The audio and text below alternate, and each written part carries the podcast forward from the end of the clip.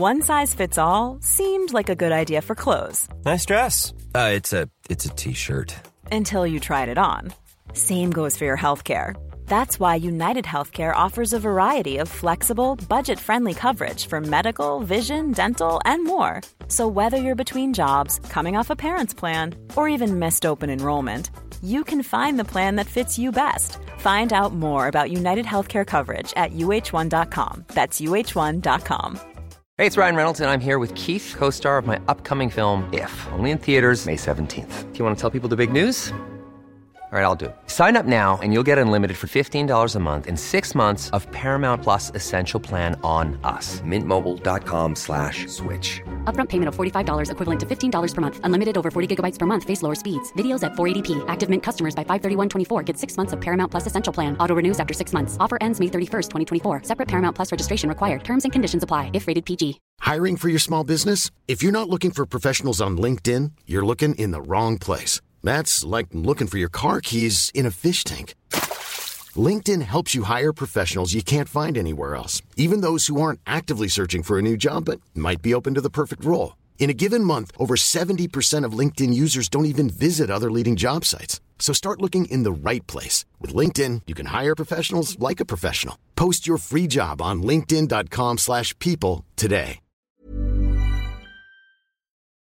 Uh, ja, hjertelig velkommen alle sammen til denne episoden av 198 land om Vatikanstaten. Tenk til verdens minste land. Det er også et av verdens rareste land. Og det er kanskje litt vanskelig å forstå hvorfor det i det hele tatt finnes. Men så tenkte jeg at eh, det kan jeg benytte anledningen til å lære dere i dag. Og det tenkte jeg å gjøre helt uten å dra andre folk inn i studio. Det blir så mye lukt og leven og styr og folk som møter opp forsinka, og det er bare dritt hele tida. Nå er det bare meg, meg, meg. Skal jeg kose meg? Og det er deilig å, å, å sitte her i bar overkropp og røyke sigar, sånn som jeg liker det. Og apropos fravær av folk. Er det ett land som har fravær av folk, ja, så er det Vatikanstaten. Og la meg begynne med å ta dere gjennom en litt, skal vi si, en, eh, en faktaboks som ikke har fullt så stringent opplegg som ellers. En litt sånn flytende faktaboks. Spill opp nasjonalsang!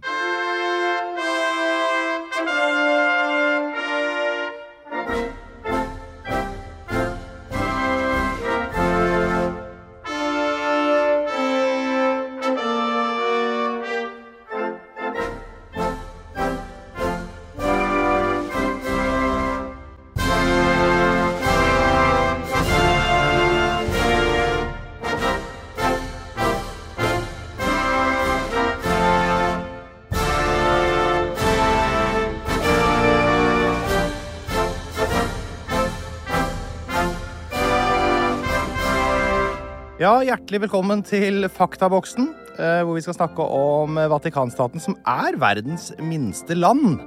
Eller er det et land? Er det da noen som eh, vil spørre seg? Og ja, jeg vil si at det er et land. I hvert fall et av de 198 landa som jeg teller. Eh, Og det er jo jeg som teller her, da. Og så er det jo sikkert noen som lurer litt på dette tallet. Jeg har fått en del spørsmål om det. 198, hvorfor det tallet? Og det kan jeg faktisk forklare, utdype, elaborere. Det er altså 193 ordinære medlemmer av FN. Altså, de er jo da helt åpenbart suverene stater, land, sånn som vi definerer det. Det er alle enige om. Det er sånn som Norge og Kina og Peru og Marshalløyene, for å ta de fire store. Eh, Det er de 193 ordinære. Og Vatikanstaten er ikke en av disse ordinære nasjonene.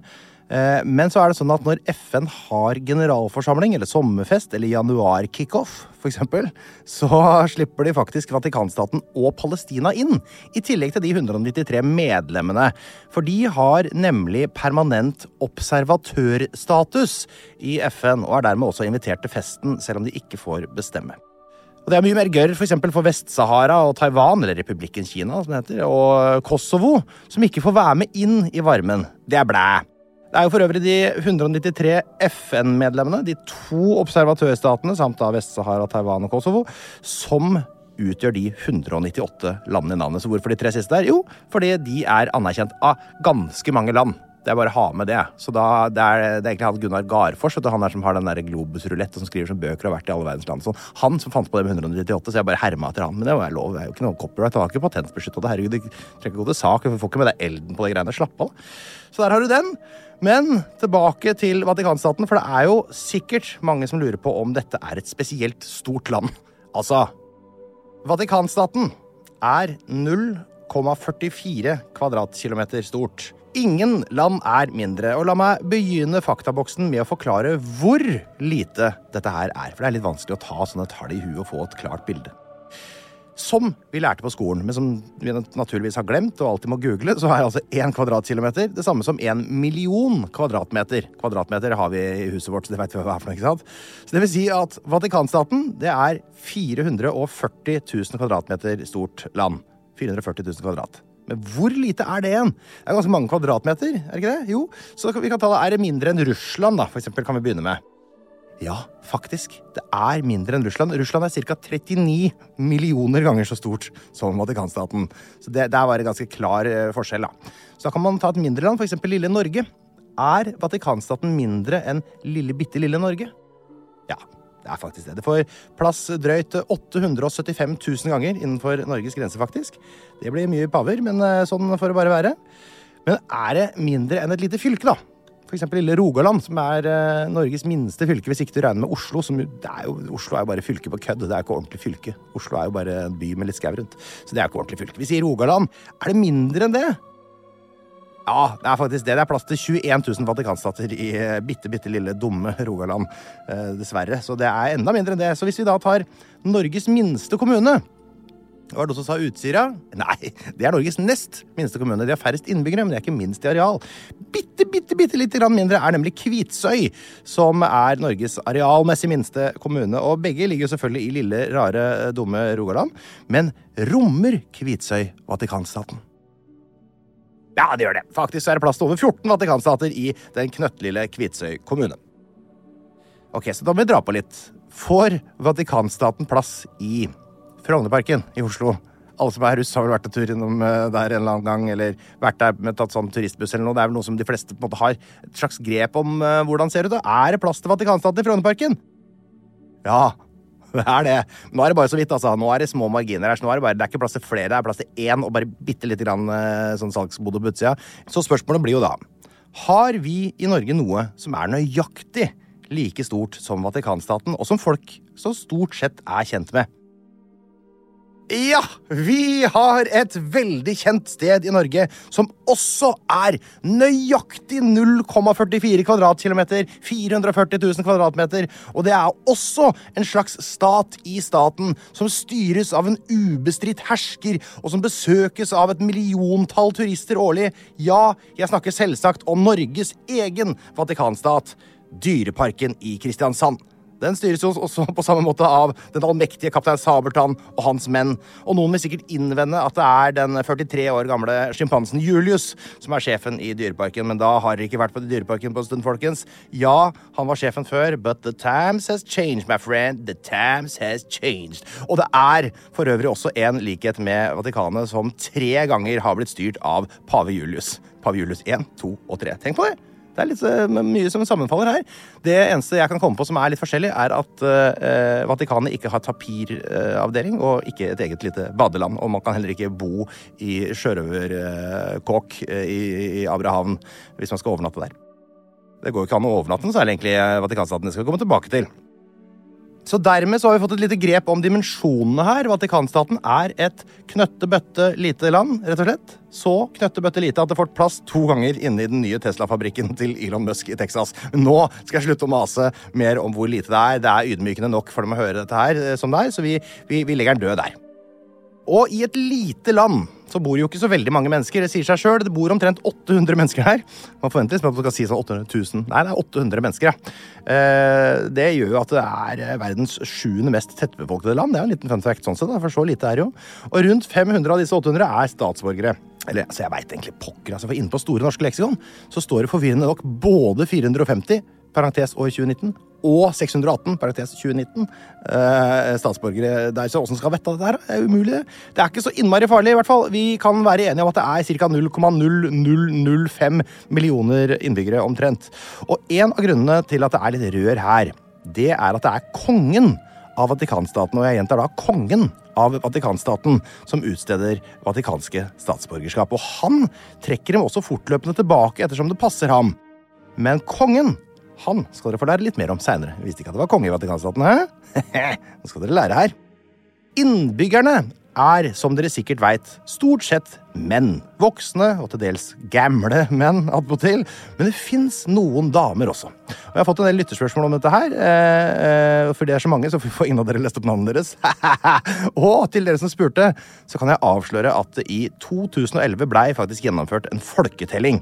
Verdens enkleste sådanne, kan jeg se for meg. Det må jo være mulig å gjøre noe sånt omtrent på fem minutter. Bare stå midt ute og rope, så kan folk bare stikke ut av vinduet og si hei. Og i denne folketellinga her så framgikk det at det var faktisk 32 vatikanske statsborgere som var kvinner. Det tallet skal fremdeles være omtrent det samme. Eh, det er det jeg har funnet på sånn forskjellige Reddit-tråder og sånn. Eh, men ved å google kjapt så viser det seg at de allikevel, på tross av dette her eh, med at de har over 30 kvinner, allikevel så har de altså ikke tradisjon for å sende deltakere til Miss Universe. Noe som jo på en måte er litt synd. Vatikanstaten deltar jo ikke engang i OL eller Grand Prix eller eh, landsskytterstevne på Lesja. Eller noen ting. Så konkurranseinstinktet er jo kanskje ikke blant verdens høyeste. Sånn, eh, så der har dere litt å jobbe med, Vatikan, folkens. Skjerpings! Uansett. Skal en kvinne få statsborgerskap i Vatikanstaten, så må det skje ved at hun gifter seg med en vatikansk statsborger. Og hun må naturligvis være døpt katolsk. Der har du statsreligionen, forresten, hvis du lurte på det. Katolisisme har de der nede. Eh, andelen, spurte du? Ja, det er 100% ja. 100% av befolkningen er romersk-katolske. Statsborgerskapet til de sånn ca. 32 vatikanske kvinnene er imidlertid bare gyldig så lenge de oppholder seg i Vatikanstaten. Det vil si at Med en gang de går ut av grensa, så opphører det statsborgerskapet. Så spesielt mye vatikansk konsulær bistand kan de ikke regne med hvis de skulle rote seg bort i noe rør i utlandet. Det er nok lurt å ha dobbelt statsborgerskap hvis noen skulle ha lyst til å prøve seg på noe rør i utlandet som vatikansk statsborger. Som kvinne så vil du oppleve å måtte ta et par skritt bakover i likestillingskampen om du velger å bli vatikansk statsborger. Stemmerett, for eksempel, det er det ingen kvinner som har nedi der, altså. Det er kun kardinaler som stemmer i Vatikanet, og ingen kvinner er kardinaler.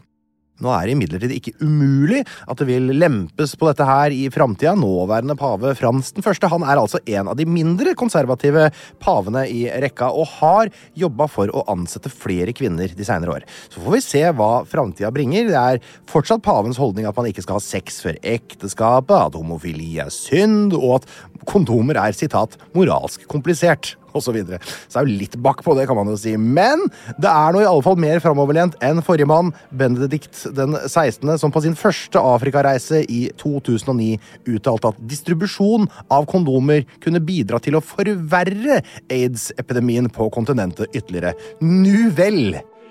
Apropos prevensjon. Fødselsraten til Vatikanstaten er verdens laveste og mest stabile. Den ligger dønn fast på null, og det ser ikke ut til at det skal bli noe babyboom med det aller første. For du, du, kan si hva du vil om Vatikanstaten, men at det bidrar til verdens eh, overbefolkning, det kan man ikke si.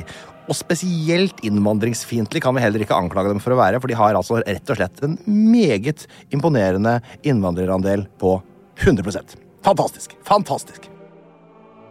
Hovedstaden i Vatikanstaten, det er Vatikanstaten, eller Citadel Vaticano, om man kan kalle det en hovedstad. Den er jo liksom bare seg sjøl, da. Og det finnes ingen andre byer eller bosetninger, og landet har ikke noe kyst, så det er ikke noe å snakke om der. Det er ingen store elver, selvfølgelig, eller innsjøer. Hadde du lagt en svær innsjø oppi der, så hadde jo landet blitt borte. Det hadde blitt oversvømmelse. Og selv om det ikke er noen stor fjellnasjon, så er Vatikanhøyden med sine 70 55 meter, langt fra å være verdens laveste høyeste punkt. Ikke sant? Maldivene, Tuvalu, Nauru, Marshalløyene, Bahamas og Gambia må alle se seg slått av Vatikanstatens majestetiske fjellnatur. Hm. 75 meter. Det er ikke verst, altså. Og ettersom Vatikanstaten er et landlåst land, så kan de skilte med et laveste punkt, som er hele 33 meter over havet. Og dermed så er Vatikanstaten det landet med det 36 høyeste, laveste punktet i hele verden. Der har du samtalestarter! Ta med deg den på neste Tinder-date, gamle ragger! Der reiser man inn i Vatikanstaten, og det gjør man jo eh, kanskje ikke jevnlig, men i, løpet av livet, kanskje, da, så må man ha penger. Og da er det godt å vite at myntenheten, det er euro. Så de bruker altså vanlige eurosedler, men tror du ikke dæven skjære meg da at de trykker sine egne vatikanske euromynter med bilder av paven på? Det syns jeg er litt fett. Det er sånn kult å ta med seg hjem og så samle litt på. da, vet du. Og ja, det er en minibank i landet. Husk bare å skifte språk på den. Det kan fort være at den er innstilt på det offisielle språket i Den hellige stol. Jeg kommer tilbake til senere hva det er for noe. Det er The Holy Sea alt der. Ikke tenk på det helt ennå. Det offisielle språket er nemlig latin. Der skal du bruke da Vatikanstatens offisielle språk, som er italiensk. Det er to offisielle språk på samme område, og det samme området heter både Den hellige stol og Vatikanstaten. Ikke tenk på det, svært. Ok, og Uansett så er jo ingen, sånn, ingen som prater latin. Det har vi ikke gjort når var det? var Romerriket og sånn. Det gikk folk rundt og surra og prata latin, sikkert. Men det er ingen som gjør det nå lenger. Ikke engang gutta på puben i Vatikanstaten skrevler på latin når de skal slå an prat eh, over et deilig glass med bugnende pils. For det er faktisk sånn at det finnes én pub i Vatikanstaten inne på museet der. Og den stenger faktisk ikke før klokka 16.00 på ettermiddagen. altså. Så, ja, Det er ikke en pub, eller det er mer en kafé, kanskje. da, kan du kalle det så Sterkt lyssatt kafé der. Så det er jo ikke akkurat, det byr jo ikke inn til liksom Hvis du skal til ett land på, på sånn derre stag do på utdrikning, på blåtur med gutta, dropp Vatikanet. Det er bare et tips. Ja, Vi er fortsatt i faktaboksen. Ja. Det, det, det, må jeg holde meg til. Og, og, det blir jo ikke en ordentlig faktaboks uten å snakke om styresettet. Og det eh, burde jeg da helt klart ha gjort nå, i stedet for å hoppe rett til å snakke om flagget. For Vatikanstatens flagg består av et gult og et hvitt felt. I det hvite feltet er apostelen Peters krysslagte nøkler, en gul og en sølvhvit, bundet sammen med en rød snor og under en pavelig treraders krone med to flagrende bånd står det på Wikipedia. Og jeg syns det ser helt riktig ut. Jeg skal være ærlig. Jeg synes Det matcher beskrivelsen veldig bra. De to nøklene de er ikke helt tilfeldige heller, forresten. Det er én eh, som skal symbolisere nøkkelen opp til himmelriket. Da. Der, man, eh, der kan det fort være låst. Det tror jeg opptil flere av oss eh, lyttere her kommer til å oppleve når den dag kommer. Og den andre nøkkelen den er til fellesarealet i kjelleren. En liten vits fra min side. Nei det er selvfølgelig da en nøkkel til makta på jorda, det, da. Så må vi ha nøkkel til det, og mye man må ha nøkkel til. Rart det i disse tider, nå som folk flest har sånn Yale Doorman eller noe, med bare sånn kodegreier på sånn. Uansett, pompøse greier for et land som ikke engang får stemme i FN, sier nå jeg, da. Så hvis du har mindre makt enn Marshalløyen og Liechtenstein, så tenker jeg du kan roe ned litt på flaggsymbolikken. Men det, ja, for så vidt. da. Litt religiøs makt har de jo. Det er jo 1,3 milliarder katolikker som, som, som, er Martin Luther i øret når paven eh, slenger ut en liten eh, melding. Og det er jo ikke ingenting! Det er jo ikke ingenting. Men nå snakker vi flagg. Og det viktigste med flagget, i hvert fall for meg, da, er at det er et av kun to flagg i verden som er helt kvadratiske. Og vi husker selvfølgelig, naturligvis, åpenbart, at det andre er det sveitsiske. Og det er jo da en helt perfekt overgang for meg til å snakke litt om Sveitsergarden, som jeg skal la gå fra meg nå, for nå spiller vi nasjonalsang.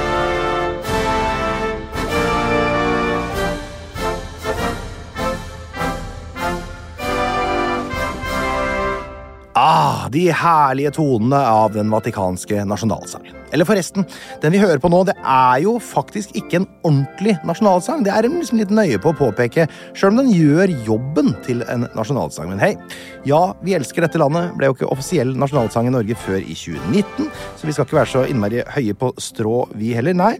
Dette her er Marche Pontificale, som jeg tipper det uttales, eh, av Charles Gounod. Det er han franske operakomponisten som komponerte operaene Faust og Romeo og Julie, veit dere. Dere veit jo ikke det, men det høres jo cocky og greit ut når jeg sier det på den måten. da. Men han nøyde seg ikke bare med operaer. Han lagde også den offisielle pavebangeren, som dere hører på nå. Og Marsje Pontificale den ble komponert i 1869 i anledning 50-årsjubileet for presteordineringen av daværende pave Pius den 9. Og låta den møtte såpass massiv respons fra publikum at den måtte spilles mange ganger etter hverandre, og har egentlig vært bare en stor hit i Vatikanet helt siden da. Litt på samme måte som Ja, vi elsker dette landet egentlig har vært. Det har egentlig bare vært en hot track som ble nasjonalsangen vår, selv om Sønner av Norge det er en F der, skjønner du, altså var eh, offisiell norsk nasjonalsang så seint som 10.12.2019. Det er tussete å tenke på. Men nok musikkprat. Det er podkaster som er bedre på sånt enn akkurat denne her. Kan høre på det. Han er Sandeep har noe greier oppe på NRK. Hør på den hvis det er musikk du skal kakle om. Ja, der ringer nasjonalsangen eh, ut. Holdt jeg på å si, eller marsjepontifikalet. da. Nå må ikke jeg rote det til. Så nå skal vi snakke litt om eh, hvordan Vatikanstaten egentlig styres. Og her er det bare å altså, skru på seg hatten, for dette her eh, for slipper å holde på. For dette er komplisert. Det er det. La meg begynne med å fortelle dere at Vatikanstaten er et teokratisk, ikke-arvelig, absolutt monarki. Så her er altså ikke monarken i familie med forrige monark, men eller kan det jo være da, vidt, men det er ikke det som er greia, men er valgt til sin posisjon. Så man kan jo sånn sett si at Vatikanstaten har noen demokratiske trekk, da.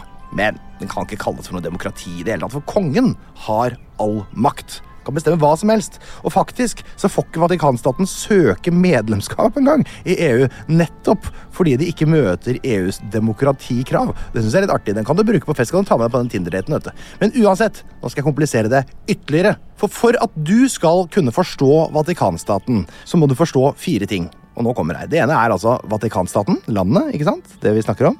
Det andre det er Den hellige stol. Og du har kanskje sett uttrykket The Holy See brukes litt sånn forvirrende om Vatikanstaten hvis du er litt uh, oppmerksom. Det betyr jo Den hellige stol, da, og det skal snart forklares. Og så er det to gubber, hvorav den ene er paven, det er Frans den første. Og den andre er kongen av Vatikanstaten. Og han har du ikke hørt om, han. Det, Da er du god hvis du har hørt om han. Vi har gode nyheter. Han er også Frans den første. Det er samme person. Det er veldig greit. Det er paven. Han er også kongen. Så Frans har to svære roller her. Han er både pave for alle katolikkene, og han er konge for alle vatikanerne. Men hva er en pave? Jo, paven han er egentlig biskopen til alle katolikkene i Roma, og med det så følger det en trone. Og den tronen her den kalles altså for Den hellige stol. Og når en ny pave velges, så overtar hen umiddelbart Den hellige stol, som da følgelig er evig. Og ettersom Den hellige stol, i motsetning til disse dødelige pavene, og da snakker vi dødelige folk, altså her er det folk langt opp i 90-åra stort sett, eh, i motsetning til dem, så er Den hellige stol evig, ikke dødelig. Og dermed så er det den som er i sentrum for Den katolske kirke. Så bruker man også da begrepet Den hellige stol som uttrykk for alle reglene i Den katolske kirke. Det er litt komplisert, litt keitete, så man kan bruke det både som både navnet på tronen, setet til biskopen i Roma, som er paven, eller man kan bruke det som et uttrykk for alle reglene i Den katolske kirke. Det som gjør Den katolske kirke til Den katolske kirke, da. Dette er keitete. Bare godta det. Uansett, Vatikanstaten blei et land etter at fascisten Benito Mussolini satte opp en avtale mellom Vatikanet og Italia, som sa annet at han ga bort landområdet fra Italia, da, eh, som utgjør Vatikanstaten, til nettopp Den hellige stol. Ja, For Den hellige stol er ikke bare en trone, eller et uttrykk for alle reglene i Den katolske kirke, men det er også en og nå blir det så kjipt og vanskelig å henge med her, men det er også en juridisk person eh, etter internasjonal lovgivning. Så eh, hei på deg, Den hellige stol! Hei på deg. Gratulerer med eget landområde, da! Takk skal du ha. Alle som styrer et AS, eller et aksjeselskap, veit jo at et AS ut fra en juridisk definisjon også er en person, en juridisk person. ikke sant? Eh, Røkke er én kis, og Aker er en annen kis. du skjønner sånn, du kan ikke, på en måte, Det er ikke det samme. Så pengene til Aker er ikke pengene til Røkke før han tar utbytte. og alt greiene. Det jeg sikkert sett debatter om og sånn. Så hvis du vil ha en analogi som det går an å få grep om, så kan du vel si da at Den hellige stol det er et slags AS hvor paven er administrerende direktør. Og paven, da, han som er da admdir i Den hellige stol, han er jo da også, som nevnt, da kongen av Vatikanstaten. Det er en litt sånn komplisert dobbeltrolle. Og som konge av Vatikanstaten så har man uinnskrenka makt. Uinnskrenka, altså helt Ludvig den 14. opplegg. Og det er jo også sånn at det er en regjering under han igjen da, i Vatikanstaten, men den er håndplukka av kong paven og Den hellige vatikanstol sjøl. Så selv om de tar alle administrative greier og sånn, de tar det helt på alvor, altså de gjør det så godt de kan, har masse praktisk makt, så kan Frans, altså kongen, eh, han som sitter på Den hellige stol, altså biskopen av Roma, paven, kongen, han, den absolutte monarken over verdens meste land, han kan helt fint bare drite i hva regjeringa bestemmer, og bestemme noe annet i stedet. For han har som sagt uinnskrenka makt. Alt er konsentrert i én persons deilige, klamme lanker. LOL! Og jeg har den fulle forståelse om ikke du hang helt med. Man bør egentlig tegne et lite kart uh, over dette her, uh, å, med piler og, og sånn, for å skjønne det helt. Men det er ikke umulig å få det under huden. Jeg, har følt at, jeg følt at jeg har det under huden nå. Og husker dere forresten da dere gikk på skolen, ikke sant? mange av dere har sikkert gått over fire-fem-seks år på skolen, mange av dere. Eh, og Da lærte man ting på grunnskolen på en helt sånn forståelig måte. Sånn er det sånn, og så sånn er det sånn. Men så kom man inn på videregående, og da kom læreren noen ganger inn i klasserommet og så sa han Beklager, folkens, men det dere har lært på grunnskolen, det er så forenkla at det faktisk er feil. Nå er dere endelig modne nok til å lære den kompliserte virkeligheten. Så sånn blir det nå også, for jeg har sagt at Vatikanstaten er én av to observatørstater i FN sammen med Palestina. Husker jeg sa det i starten her? At jeg sa det, det, det med at, eh, at Vatikanstaten var observatørstat i FN? det er feil, det, da. For det er Den hellige stol som er FN-observatør. Ja, Det er også Den hellige stol som utsteder vatikanske pass til innbyggerne i landet, Vatikanstaten. Det er altså det eneste aksepterte passet i verden som ikke kommer fra et land, men fra en stol. Det syns jeg er litt artig. Det kan du ta med dere på den Tinder-daten når dere skal snakke med eh, daten din. Det kommer til å bli så bra date. Ok, La meg oppsummere, da. Og det kan du også gjøre på neste Tinder-date. Vatikanstaten er landet. Frans den første er kongen over Vatikanstaten. Den hellige stol det er en trone som er inne i Vatikanstaten, som drives som et konsern med en direktør. Og den direktøren, det er paven. Og det viktigste dette konsernet eier og forvalter, det er landet Vatikanstaten. Hvis jeg har forstått det riktig, da. Jeg håper jo jeg ikke kommer noe kronikk nå. Du får ikke bli gjest hvis du skriver noe kronikk. Jeg henter ikke inn alle som skriver kronikk. Jeg har ikke gjester her. Spill nasjonalsang.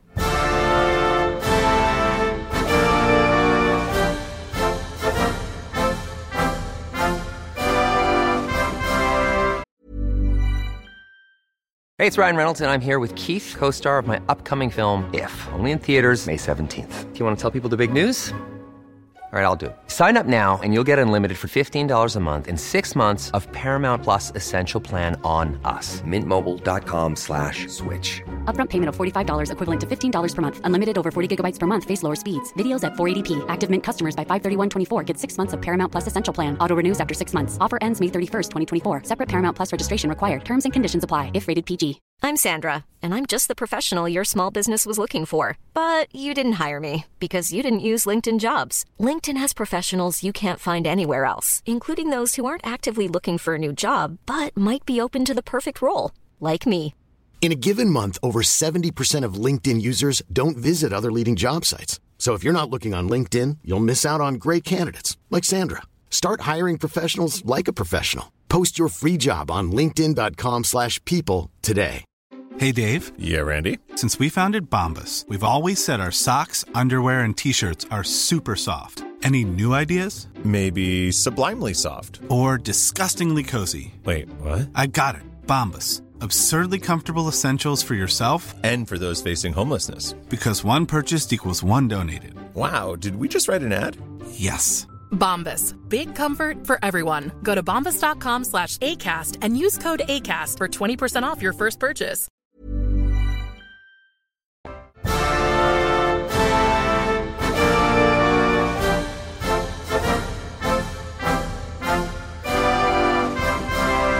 Ok, nå er det på tide at vi lærer de andre vatikanerne å kjenne også. Vi har bare snakka om én til nå, og vi kan jo ikke bare snakke om de som er både konge og pave, så la meg begynne med å si følgende. Arbeidsledigheten i Vatikanstaten er lav. For om du ønsker å bli statsborger og bosette deg i Vatikanstaten, så må du bli ansatt av Den hellige stols påsitter, paven sjøl. Og da kan du jobbe som eksempel kardinal. Og en kardinal det er en høytstående embetsmann i den katolske kirke. ikke sant? Det er jo ikke mer enn det. Det er bare en ranggreier, som å være major i militæret. på en måte da. Og da kan du få være med i regjeringa, og du kan få lov til å velge den neste paven. sånn, få litt makt da, ikke sant? Jeg kan jo kjapt bare dra gjennom det katolske hierarkiet, da, for de av dere som har glemt det, som ikke har det på, på, på rede hånd. Da er jo paven på toppen. Så er det, under han så er det patriark, og så er det kardinal, så er det storerkebiskop, så er det primas, så er det metropolitt, så er det erkebiskop, så er det biskop, så under der igjen er det generalsuperior, så er det biskopprelat, da, så er det biskop abbed, så er det litt overraskende kanskje militærordinarius, og så under der så er det personalprelat, og så er det abbed under det, da, og så er det apostolisk vikar, og så er det apostolisk eksark under der, det må ikke forveksles med apostolisk Excel-ark, det er noe helt annet, og så er det apostolisk ordinarius under der igjen, og så er det apostolisk prefekt, det er jo mye å huske dette her, da, og så er det apostolisk eh, administrator under det, og helt nederst, helt på bånn, der er misjonsprest. Men Den hellige stol kan også sysselsette deg som diplomat, livvakt for paven eller andre katolisisme-relaterte yrker. Og så må jo da noen selvfølgelig jobbe i suvenirsjappa og skjenke øl til de som er på sånn stag do, da. Kommer for å drikke seg murings i Vatikanstatens kafé. Og det er jo eh, sånn det er, da. Og det er omtrent 3000 som jobber i Vatikanstaten. 3000 lykkelige ansatte der. Og det er altså det landet som har flest arbeidstakere bosatt i utlandet. La meg fortelle deg litt om livvaktene til paven, altså militæret i Vatikanstaten. De heter naturligvis, fordi det er i Vatikanstaten, heter de naturligvis Sveitsergarden. Det gir jo mening, det. Og de er 135 kjekke sveitsiske pjokker i helt uhørte oransje og blåstripete pysjamaser og alpelue. Som rusler rundt med en middelaldersk blanding av spyd og øks som heter hellebard i lanken. Veldig kjekt å ha. Det skulle egentlig være det hele, det. Men jeg kan jo utdype litt når jeg først er i gang, for noen syns jo det der er litt pussig. Og det er jo en litt mer corny gjeng enn de fleste lands forsvar. Vi må helt tilbake til år 1506 for å finne opprinnelsesåret til Sveitsergarden. På den tida så var ikke Sveits det nøytrale, konfliktsky landet det er i dag, med de små, dumme sveitserknivene sine med sånne dumme små vinåpnere og bitte små sakser og neglefil. Har du noen filt neglene dine med en sveitserkniv? Altså det dummeste tilbehøret. Det er reint naturkriminalitet å bruke metall på det pisset der. Det var rett og slett et forbanna krigersk lite land for noen år siden, med noen av de mest berykta leiesoldatene på kloden. Det var eh, faktisk ganske utbredt blant andre europeiske land å leie seg hjelp fra Sveits ekstremt fryktløse og lojale leiesoldater når det var krig og konflikt. Ja, Særlig som livvakter var jo disse her ettertrakta, og det var jo både den ene og den andre adelsmannen rundt om da, som tenkte at eh, ja, livvakter kunne vel være greit i dette totale galskap av flyvende sverd og katapulter og faenskap som kupp fra øst og vest, som da leide seg sveitsere. Så også eh, en av historiens mest innflytelsesrike paver, nemlig pave Julius 2., det var han som fikk bygd den nåværende Peterkirken. Det begynner oppå restene av den gamle. Det var jo da han tomta klar. Og det var også han som fikk hyra denne Michelangelo, han fra Turtles, vet du, til å pønte opp nede i kapellet sitt. Og det var også han som bygde dette her vatikanske museet, da, som er så gøyalt å besøke. Og når man er så høyt på strå som Julius 2., denne paven, var, så får man jo også behov for litt livvakter, for det blir jo litt sånn krangling om den makta han har, da. Så han hyra altså på et par hundre karer fra Sveits som tok uh, turen nedover. Og siden Vatikanet var en ålreit uh, sjappe å være i, ja, så blei de faktisk værende nedi der. Og der er de faktisk ennå. Og det er som sagt bare 135 soldater i Sveitsergarden, hvilket høres utrolig lite ut. Men hvis man snur litt på det uh, og tenker prosent av innbyggertallet, så er det faktisk 16% av alle innbyggerne så det er jo et utrolig militarisert land. sånn sett Da Da snakker vi faktisk om den desidert største faktisk aktive hæren i forhold til befolkningstall. Tre ganger så stor som Nord-Korea, f.eks. På andreplass. Men hvorfor disse idiotiske kostymene? Jo, det har jo da naturligvis noe med tida å gjøre. ikke sant? Dette her var jo ikke så oppsiktsvekkende skitt på tidlig 1500-tall. Tipper du hadde sett ut som klovn Bonzo sjøl hvis du var i militæret eller var kongelig eller et eller annet sånt og levde i renessansens Europa.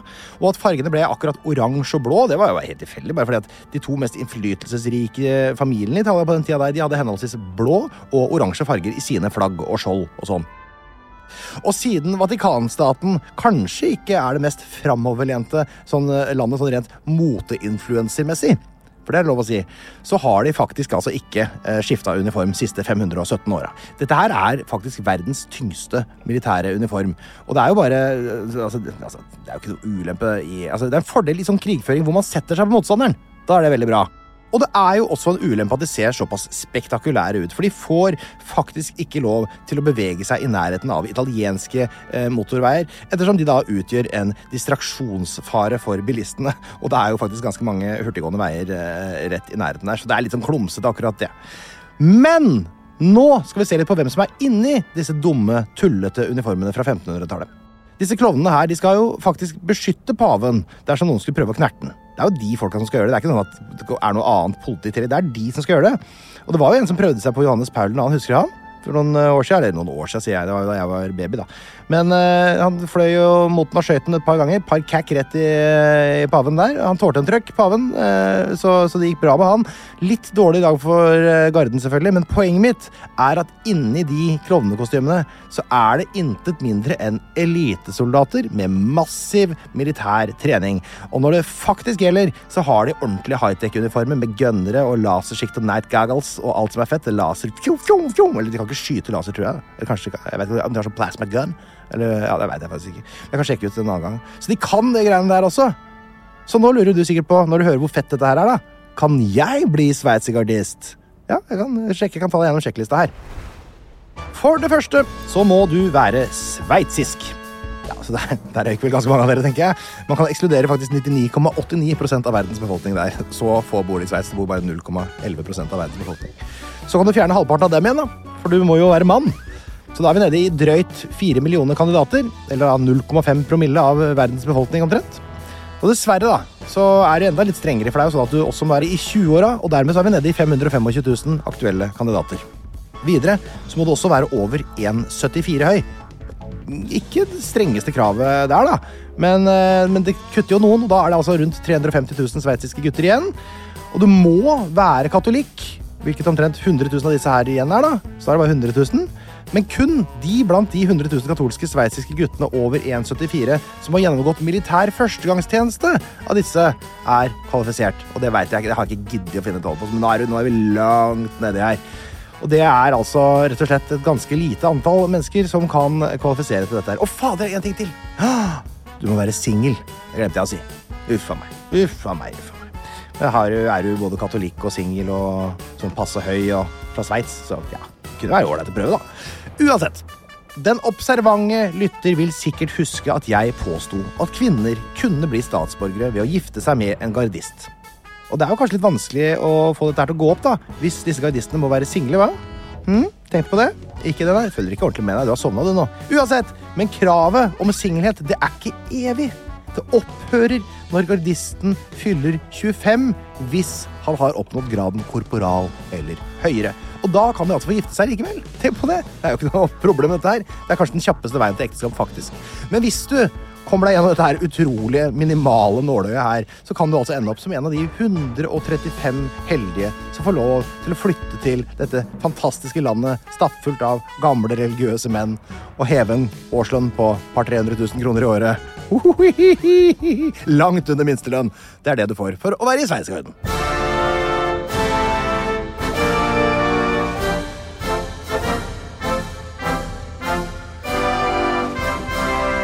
Så hva kan man gjøre? I Vatikanstaten er det jo sikkert noen som undres over ved seg.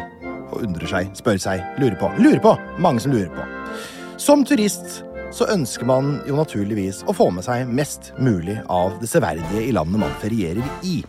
Og akkurat i Vatikanstaten så er det jo rimelig greit da, å komme seg rundt hvis man ønsker å få med seg det meste av severdighetene. Og ikke kaster du bort så altfor mye tid på stranda heller. Det er jo åpenbart ikke noe strender eller noe noe ordentlig gøy ferieaktig å gjøre der, da. Så du må jo bare få med deg severdigheter, rett og slett. Og vi begynner med sjølvaste Peterkirken.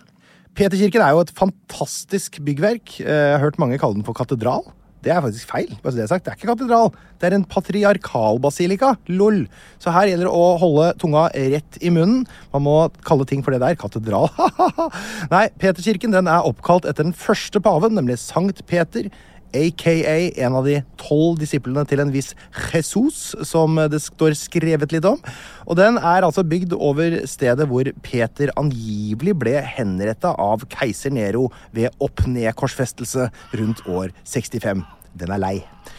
Nå blei jo ikke Peterkirken eh, som vi ser i dag, bygd for så lenge siden. For det har jo vært reist og rivd mange kirkebygg på denne tomta her før den tid. Å ja, nei, jøss. Ja, ja, nei, nei, nei. Det var altså pave Julius 2. som la ned grunnsteinen til denne som vi kjenner så godt, i år 1506. Det er andre gang jeg nevner det året, for det var også det året hvor godeste Sveitsergarden ble grunnlagt. Men ikke bare la han ned grunnsteinen. Nei, mine damer og herrer, han la ned grunnsteinen på skakka. Det er nemlig sånn at pave Julius han fikk litt eh, packeren, litt skjelven.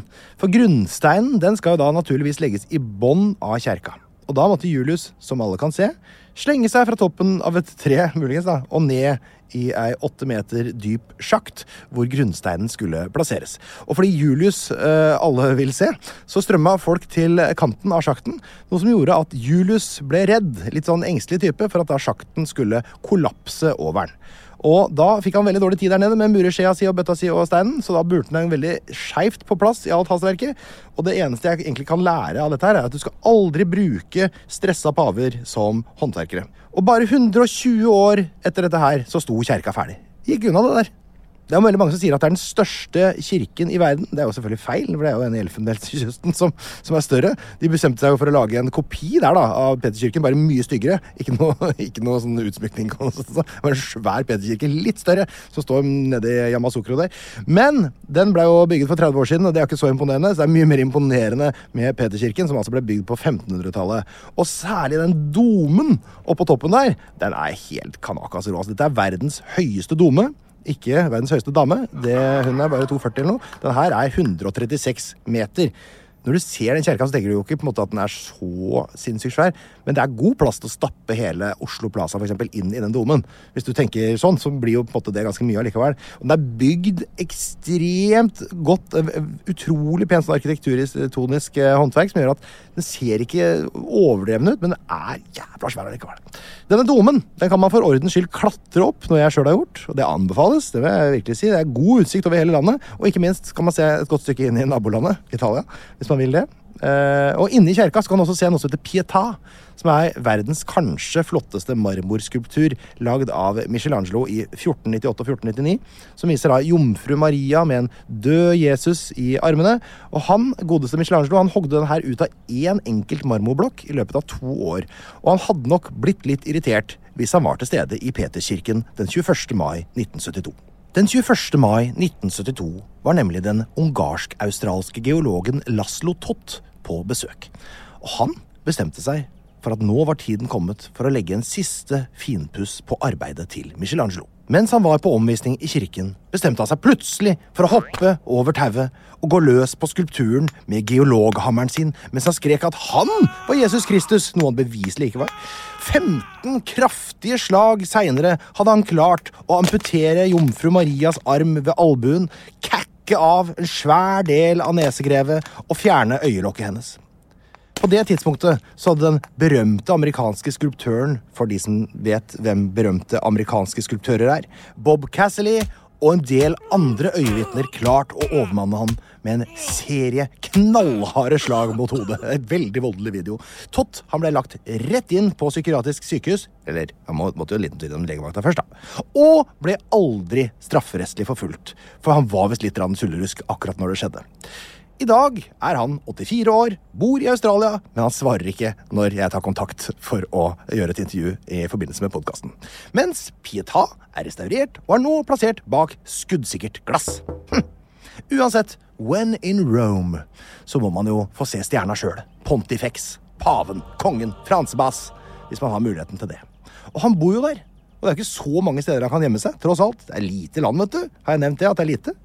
Faktisk så er det sånn at hver onsdag morgen så blir han kjørt over Petersplassen og henvender seg til allmennheten før han velsigner publikum. Man må ha billett vel å merke, for å delta, men det er gratis.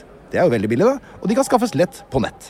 Du er veldig shamalama ding-dong tusselus, uh, tullerusk i pappen hvis du besøker Vatikanstaten uten å stikke huet innom Det sixtinske kapell. Det må du sjekke ut. Det er jo der Michelangelo har malt skapelsen i taket, og hvor nye paver blir valgt, osv.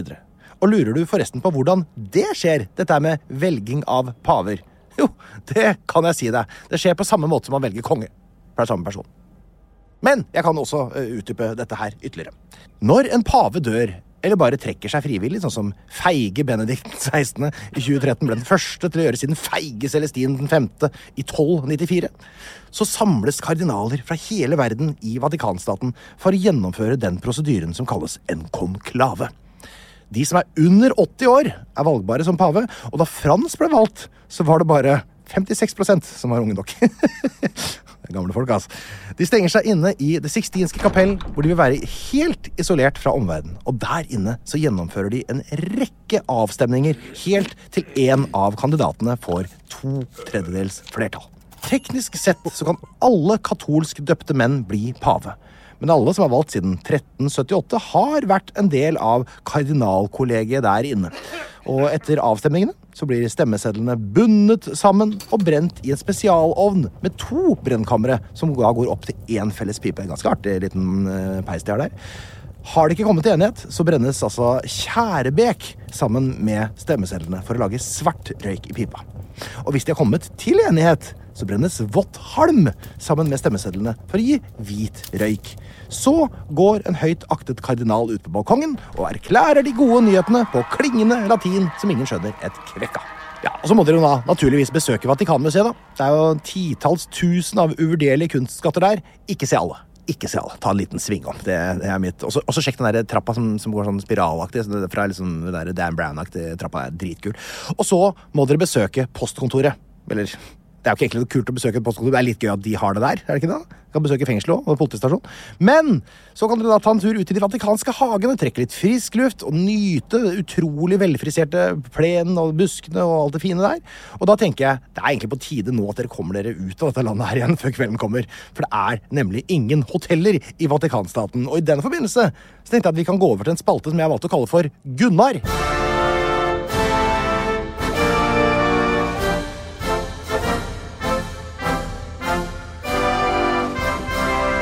Hei, det er Gunnar. Hei, Gunnar. Gunnar Garfors, du er altså den yngste mannen gjennom tidene som har vært i alle land minst to ganger. Er det ikke sånn å forstå? Ja, jeg sier nå det, iallfall. Velkommen. Du, eh, Takk skal du ha. jeg, hvor er du nå, forresten? Jeg må alltid spørre om deg når du er på tråden. Ja, det er et godt spørsmål. Akkurat nå så er jeg på toget fra Gardermoen til Oslo S. Fra Gardermoen, så du har vært ute og reist? Ja, jeg har vært i Afrika, så det har blitt eh, Burundi og Rwanda og Uganda og Kenya. Så jo da, alltid på tur, selvfølgelig. Nettopp. Du, du har jo eh, som sagt vært i alle land i verden eh, minst to ganger. Det betyr at du har vært i Vatikanstaten eh, to ganger òg, det, da? Ja, eller sikkert en sju-åtte ganger. Har du hørt sju-åtte Det er jo mye spennende i Vatikanstaden. Ja, altså, da må jeg nesten spørre for at, Hva er din definisjon av å være i et land? For det er mange uh, definisjoner av dette her, hvis du skal liksom gjelde. Altså akkurat uh, verdens minste land på 0,44 kvadratkilometer, så, så er kanskje definisjonen litt annen. Da er det Ja. kanskje bare nok å, å gå inn på St. Petersplassen uh, eller inn på museet der. Men vanligvis så, så skal den jo være litt lenger eh, helst, da, og i alle fall overnatte. Og så må en eh, snakke med de folk som bor der, og, og ha en historie å fortelle, som et minimum. For det du sier det der med å overnatte, det mener jeg stort sett det gjelder jo de fleste land, men akkurat i Vatikanstaten så er det jo ingen steder å overnatte. Nei, altså det, det er én plass, eh, for det er et gjestehus der. Men for å få innpass der, eh, så må du være på god eh, fot med paven. Ja. Jeg er ikke helt der ennå. Altså, jeg har vært konfirmert som 15-åring, men eh, det var jo ikke den katolske kirka engang, så, så det hjalp ikke. Jeg prøvde, men det gikk, det gikk ikke, altså. Så er du ikke det, eller statsoverhode eller lignende, og blir invitert til, til overnatte, så sliter du. Så da, da må du finne en plan B. Jeg tror faktisk det er der de kardinalene også overnatter når det er sånn konklave og de skal velge ny pave. Da har de sånt gjestehus. Ja, ja stemmer. Ja, Mm. så, så, så det er jo kanskje en lettere mat å bli. Altså bare, bare å bli kardinal, så, så får du kanskje en passord. En smal sak. Ja, ja, ja, ja Men, men du har eh, Grunnen til at jeg ringer, deg, er fordi at du har jo overnatta i Vatikanstaten. Ja, og jeg er ikke kardinal, og jeg kjenner ikke paven, men eh, jeg fant ut at jeg hadde overnatta i alle land i hele verden, Ja. bortsett fra Vatikanstaten. Eh, så det måtte jeg selvfølgelig gjøre noe med. Hvordan eh, løste du det? Altså, det var litt sånn innfall. da. Jeg satt på et fly til Roma, et SAS-fly, Ja. og, og tenkte på det her. Det var oktober, så det var litt sånn halvkjølig. Så da fant jeg ut at jeg har ikke booka noe hotell. La meg overnatte på, eh, ja, i Vatikanstaten. Men så hadde jeg nesten ikke med meg noe klær, så jeg, tok, jeg lånte da et sånn eh, pledd fra SAS. Ja. Tok det med meg ned og, og fant noen sånne papp, eh, pappbokser eh, som jeg la meg på. Så der lå jeg. Og en gjeng med mer lokale uteliggere. Og jeg hadde da SAS-teppet over meg. Og etter hvert så kommer da selvfølgelig sveitsergarden bort og spør hva i all verden jeg driver på med. Og så sier jeg no, I'm, I'm just sightseeing, you know, I'd like to, to stay overnight here. Eh, Good luck and have fun, sier han eh, litt tørst. da, han bare sier seg han. yes. men der ligger jeg og jeg holder på å fryse meg forderva i hjel, eh, men jeg overlever natta. Mm. og reiser etter hvert eh, litt rundt omkring i Europa, og til slutt hjem igjen til Norge med et SAS-fly. Og returnerer selvfølgelig pleddet. Ja, de gjorde det. Så det, det, var, det, var, det var bare et lån, det var ikke, det var ikke et tyveri. Så da besvarte du faktisk oppfølgingsspørsmålet mitt. ja, ja, ja, ikke sant. Men ok, Så, du, har, så da har du, altså, du er en av de få nordmenn som har overnatta i Vatikanstaten. Men Sa du at det var flere som overnatta der? Ja, altså det er noen uteliggere, eller det var iallfall det når jeg var der. Så var det eh, fire-fem uteliggere uh, av mer eh, italiensk opphav, uh, for å si det sånn. Kardinaler som har falt uh, litt utenfor ja, du, du, du, du veit aldri. Altså, Nå gikk jeg inngående samtaler med dem. De snakka ikke engelsk. Eh, Jeg prøvde, men det, det gikk dårlig. Men Så jeg skal ikke se vekk ifra det, men, men jeg tror de var eh, Jeg, tror de hadde overnatta ute ganske lenge. Men da er det muligens altså, eh, eh, italienske, vil jeg jo anta. Og det er jo litt interessant med pendlende eh, hjemmeløse, faktisk. Som pendler over riksgrenser. Så da er spørsmålet er de da vatikanske eller italienske, Nei, eller er det da en god blanding? Det er spennende. Så ja. Men eh, har du noen andre sånne eh, kjappe turisttips for den eh, reisehungrige eh, lytter? Nei, så det, det har jo egen eh, togstasjon på Vatikanet. Men altså, det, den er forbeholdt igjen samme som gjestehuset, paven og kardinalene. Ah. Så er det en, helikopterlandingsplass. Sånn ja. Men den òg er bare for paven. Så, så det her er rett og slett et land som er på en måte for én person i, i hovedsak. Så det er ikke så mye å, å gjøre der. De har veldig bra eh, toalettfasiliteter, for det er jo veldig mange besøkende. Så det er jo, det er jo bra når du overnatter der. Har de, har de sånn spyle, spyletoalett? Det syns jeg er så deilig. Nei, det har jeg ikke. Det, det hadde de i Uganda. Nei, er det sant? ja, ja, ja. Med bra, bra trykk òg. Du, helt til slutt i denne praten, kan du være så vennlig å gjøre lytterne mine oppmerksom på at vi nå skal ut av spalten Gunnar og bevege oss inn i spalten Jøss. Kunne du sagt det for oss? Ja, Det var det alt vi hadde i Gunnar-spalta i dag. Vi skal over til jøss.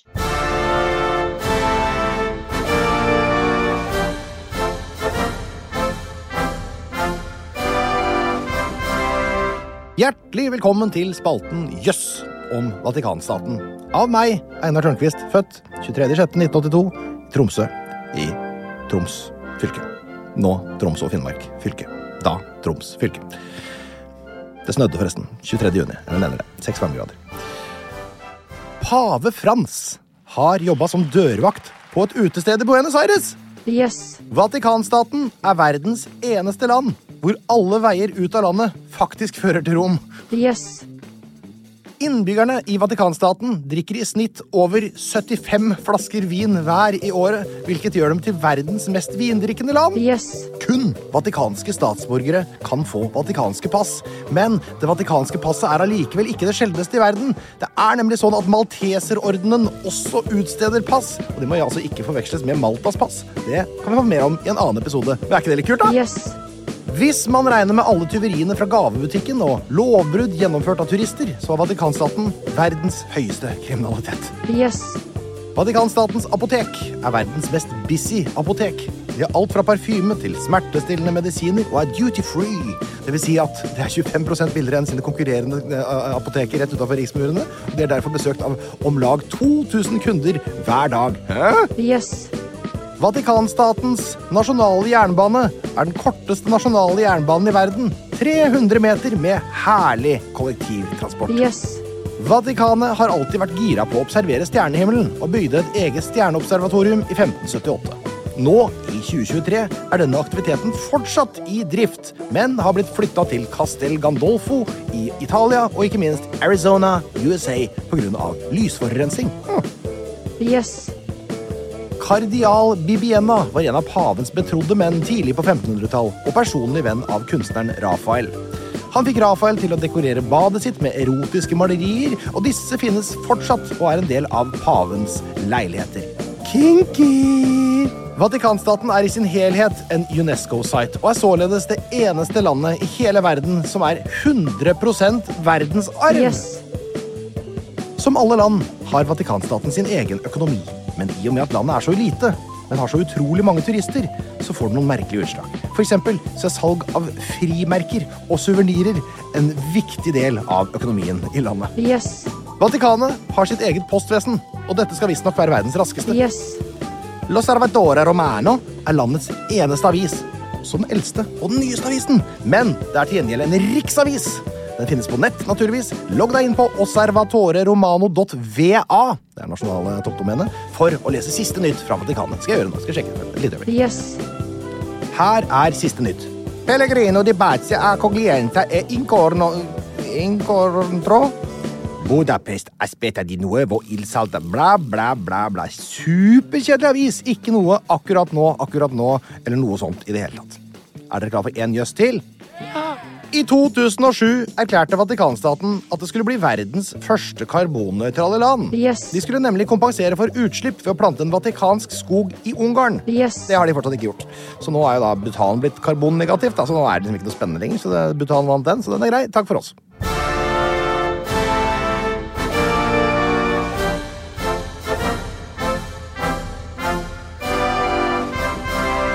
Vi tar noen lytterspørsmål fra dere, mine kjære lyttere, som eh, ja, pliktskyldigst stiller opp uh, på anbud. Så jeg kommer til å lese noen av spørsmålene deres nå og prøve å svare på dem. Bjørn Ravnås lurer på hvem forteller de svenske vitser om? Ja, Hei, Bjørn. La meg sitere paven. Uh, Jeg har et sitat, og han sier I like to laugh. It helps me to feel closer to God and closer to other people. When we laugh with each other and not at each other, God's love is present in a special way. Det er det sitatet jeg fant uh, om vitsing. Uh, det virker ikke som en veldig sånn mye sånn ondsinna, nedlatende naboleing der, så jeg får bare ta en råsjans på at uh, disse vatikanerne de forteller svenskevitser om Nauru. Kai Arne Hausager. Kollektivtilbud. Her er jeg oppriktig nysgjerrig. Er det mer enn Pope-mobil?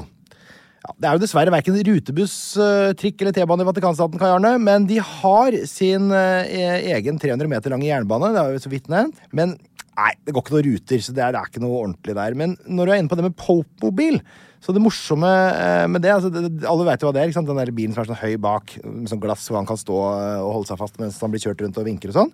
Og Den har han jo blitt kjørt rundt i siden 60-tallet. Eh, Det var jo da nemlig praksis helt fram til 1978 faktisk, å bære den rundt på noe som heter sedia gestatoria, som er en sånn trone oppå to sånne lange pinner, som ble båret på skuldrene til fire stykker. ikke sant? Så ser det for dere. Og det ble jo liksom for mye. Så sistemann som brukte det, var jo Johannes Paul den første. Ikke den andre. altså Johan Paul den første var jo pave fra 26. august 1978 til langt ute i september 1978, da han daua. Kortest sittende pave gjennom tidene for øvrig. Men han satt til gjengjeld godt i sin sedia gestatoria de få dagene han var pave. Så da Johannes Paul 2. tok over, også da i 1978, rett etterpå, så altså kan man nevne at 1978 var for øvrig det første året med tre paver siden 1605. Wow! Men da han tok over, så var det altså Pope Mobile for alle penga. Og det har vært mange forskjellige typer, fra noen polske lastebilgreier til eh, Benedikten 16. sin fancy Merce-SUV. Men nå er jo eh, godingen Frans, da, som er pave, og han foretrekker en mer nøysom og enkel linje. Og han kjører forresten bil sjøl, som for ordens skyld. Så kjører han, han Det går jo an å kjøre bil ut og inn av Vatikanet, men bare biler som er registrert i Vatikanet. da. Eh, dårlige parkeringsforhold og sånn der. Men han har da en Ford Focus som han kjører rundt i.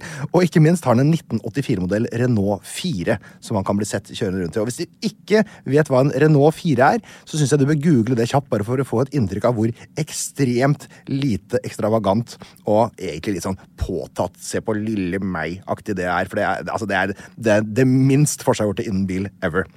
Men når det kommer til Pope-mobilene, så er de litt forskjellige fra land til land. Han tar ikke med seg én spesifikk, men han får altså custom-bygd en bil dit han skal. Så I Sør-Korea for eksempel, så ble han kjørt rundt i en Kia Soul i paveutgave. I Filippinene så har han en sånn Isuzu D-Max, for eksempel. Kjekke biler, det. Og så kan du kjapt legge til at i 2016 så ble pave Benedikts Merce M-klasse Pope-mobil med det var 500 hestekrefter. Drikker litt suppe, den rakkeren der. Eh, Den ble solgt i Irland for 5750 euro. I annonsen sto det at den var himmelsk å kjøre, så det er litt artig, da, vet du. Jan Staff sier Vi kjenner alle til Det sixtinske kapell. Kan du fortelle litt om de 15 forutgående? Ja, hei, Jan. Det er jo rart hvordan noen vitser fungerer litt bedre på engelsk enn på norsk. eh, Det må jeg si. Sixteenth på en måte, og sixteen er på en måte litt nærmere hverandre enn sixteensk og sekstende. men eh, godt forsøk. Når det er sagt, så er opprinnelsen til eh, navnet at det er oppkalt etter pave Sixtus den fjerde, som restaurerte nettopp dette her kapellet her på slutten av 1470-tallet. Petter Børkeie stiller spørsmålet som egentlig altfor få har stilt uh, gjennom tidene, nemlig hvem har malt veggene i Det sixtinske kapell? Og Det synes jeg er et veldig godt spørsmål. Eh, alle vet jo på en måte om Michelangelos takmalerier, men hvem pokker har malt veggene? Jo, det skal jeg si det. Det er malt av Sandro Botticelli, Domenico Ghirlandaio, Cosimo Rosselli og ikke minst Pietro Perugino. Må aldri glemme Perugino. Han var veldig flink til å male vegger. Fredrik Jolhøy spør Hvorfor er dette et eget land midt inne i et annet land? Fader talla, altså, Fredrik. Jeg håper å slippe dette her. Det er, eh, nå kommer tida til å gå igjen. Jeg skal ta en forenkla versjon. Fra 700-tallet omtrent og fram til 1870 så var det noe som het kirkestaten. The Papal States. Altså Det var et land eh, som eh, ja, på størrelse med Sveits omtrent. Som gikk som et slags belte på tvers av dagens Italia. Eh, Roma var hovedstad. Og inni der så var Vatikanet med murene sine og paven og alt dette her. Men så ble det som eh, lå sør for kirkestaten, altså kongedømmet Italia, de ble litt sånn gira på å utvide eh, området sitt, så de okkuperte kirkestaten. Og paven han syntes jo dette var litt, øh, litt nasty, så han gjemte seg bak de høye murene sine inne i Vatikanet. Og der satt han da og forbanna kongedømmet Italia i år etter år. Så hvorfor tok de ikke bare og meide over eh, det der lille tussete Vatikanet hvor paven satt og gjemte seg? Men nei, det turte de rett og slett ikke å gjøre, italienerne. For de var livredde for at det å gå løs på paven, det ville jo da gjøre dem utrolig upopulære blant religiøse, ikke sant? og kanskje til og med føre til en slags religiøs eh, borgerkrig. Så strategien det blei at ok, vi venter på at paven eh, overgir seg. Men det gjorde han jo ikke, selvfølgelig. Eh, Verken han gjorde det, eller neste paven, eller paven etter det, eller paven etter det igjen, eller paven etter det igjen. De bare pava på som om ingenting hadde skjedd, og anerkjente verken kongedømmet Italia eh, som stat eller oppførte seg noe høflig i det hele tatt. De var sure og nekta å høre på hva som ble sagt fra sydlig hold. Ikke før i 1929 skjedde det noe. Da var det nemlig en eh, historisk person som de fleste har hørt om, som heter Benito Mussolini, som var statsminister i Italia. Og han eh, trengte jo litt goodwill fra katolikkene. Han ville jo konsolidere makten sin osv. Så, videre. så han bestemte seg for å ordne opp i dette her. Så han la fram en avtale overfor eh, paven som sa at Italia Ok, vi gir dere området innenfor de vatikanske murene der, det lille 0,44 kvadratkilometer, samt en svær tjafs med penger til Den hellige stol skal få alt dette her. Hvis Den hellige eh, stol da velger å anerkjenne Italia og ikke blande seg inn i politikk og krig og fred og sånn, så bare deler vi oss. Og vips, Vatikanstaten. Lasse Myrbråten Andersen med igjen med alle episodene. Hvilken suvenir er det man bare må kjøpe seg eh, i Vatikanstaten, ta med seg hjem? Og er det mulig å kjøpe med seg en pavehatt? Vel, det jeg vil anbefale som turistsuvenir, er jo da sånne små flasker med helligvann. Det vil jeg anbefale for den som digger sånt. Du får kjøpt de små flaskene, og så kan du gå og tappe helligvann eh, i Peterkjerka, tror jeg. Lære et eller annet sånt noe. Så kan du få, få det. Tar deg en slurk på vei hjem, så blir du hellig du òg.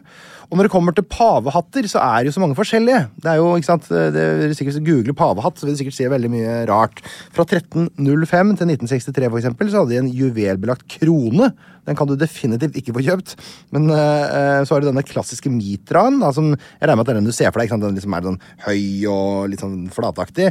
Den kan man uh, i hvert fall bestille på nett for noen tusenlapper.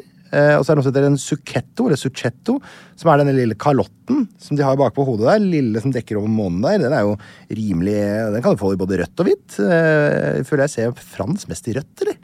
Så var kanskje han eh, Johan Spaul det var en hvit type. Det er liksom smakssak.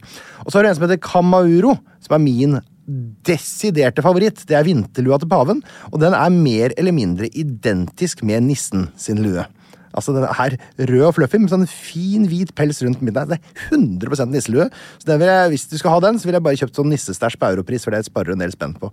Og til slutt så har du den som heter Capello Romano, som er den litt sånn middelalske cowboyhatt-varianten. Den kan du også få tak i på nett, og alt dette her er bare å google, så finner du stedet hvor de selger dette her. Tusen takk for at du eh, lytta. Neste uke kommer sesongfinalen, og du vil ikke tru hvor vi skal. Og helt seriøst, du vil ikke tro hvor vi skal, for det er helt på bærtur. Det er det. Det blir det dummeste vi har lagd til nå. Men det er en liten artig bonusepisode. Jeg tror den blir kjempegøy å høre på, men du vil ikke tro hvor vi skal. God uke videre, og måtte latin bli ditt nye foretrukne andrespråk. Takk for meg. Plan B. Hi, I'm Daniel, founder of Pretty Litter. Did you know cats tend to hide symptoms of sickness and pain? I learned this the hard way after losing my cat, Gingy. So I created Pretty Litter, a health monitoring litter that helps detect early signs of illness by changing colors, saving you money and potentially your cat's life. Pretty Litter is veterinarian developed, and it's the easiest way to keep tabs on your fur baby's health right at home. Go to prettylitter.com and use code ACAST for 20% off your first order and a free cat toy. Terms and conditions apply. See site for details. When you drive a vehicle so reliable it's backed by a 10 year, 100,000 mile limited warranty, you stop thinking about what you can't do and start doing what you never thought possible. Visit your local Kia dealer today to see what you're capable of in a vehicle that inspires confidence around every corner. Kia, movement that inspires. Call 800 333 4KIA for details. Always drive safely. Limited inventory available. Warranties include 10 year 100,000 mile powertrain and 5 year 60,000 mile basic. Warranties are limited. See retailer for details. Pst, det er meg, Einar Tørnquist her, han fra 198 land. Nå har jeg lagd en 198 land-app, hvor du kan uh, surre rundt på forskjellige kart og lære masse om forskjellige land, og du kan ordne og fikse, men det er også en hel haug med quizer, hvor du kan teste deg sjøl mot resten av Norges befolkning. Du kommer inn på topplister, sånn kan du se hvordan du gjør det i geografiquiz, pluss at det kommer en daglig utfordring. Dagens utfordring kan du teste deg sjøl. Vet du hva, det er en utrolig bra geografi-app. Relativt uh, lol-pakke. Prøv en sånn sju dagers gratis greie. Hvis du liker den, så kan du betale litt under ei krone om dagen, så har du den for life.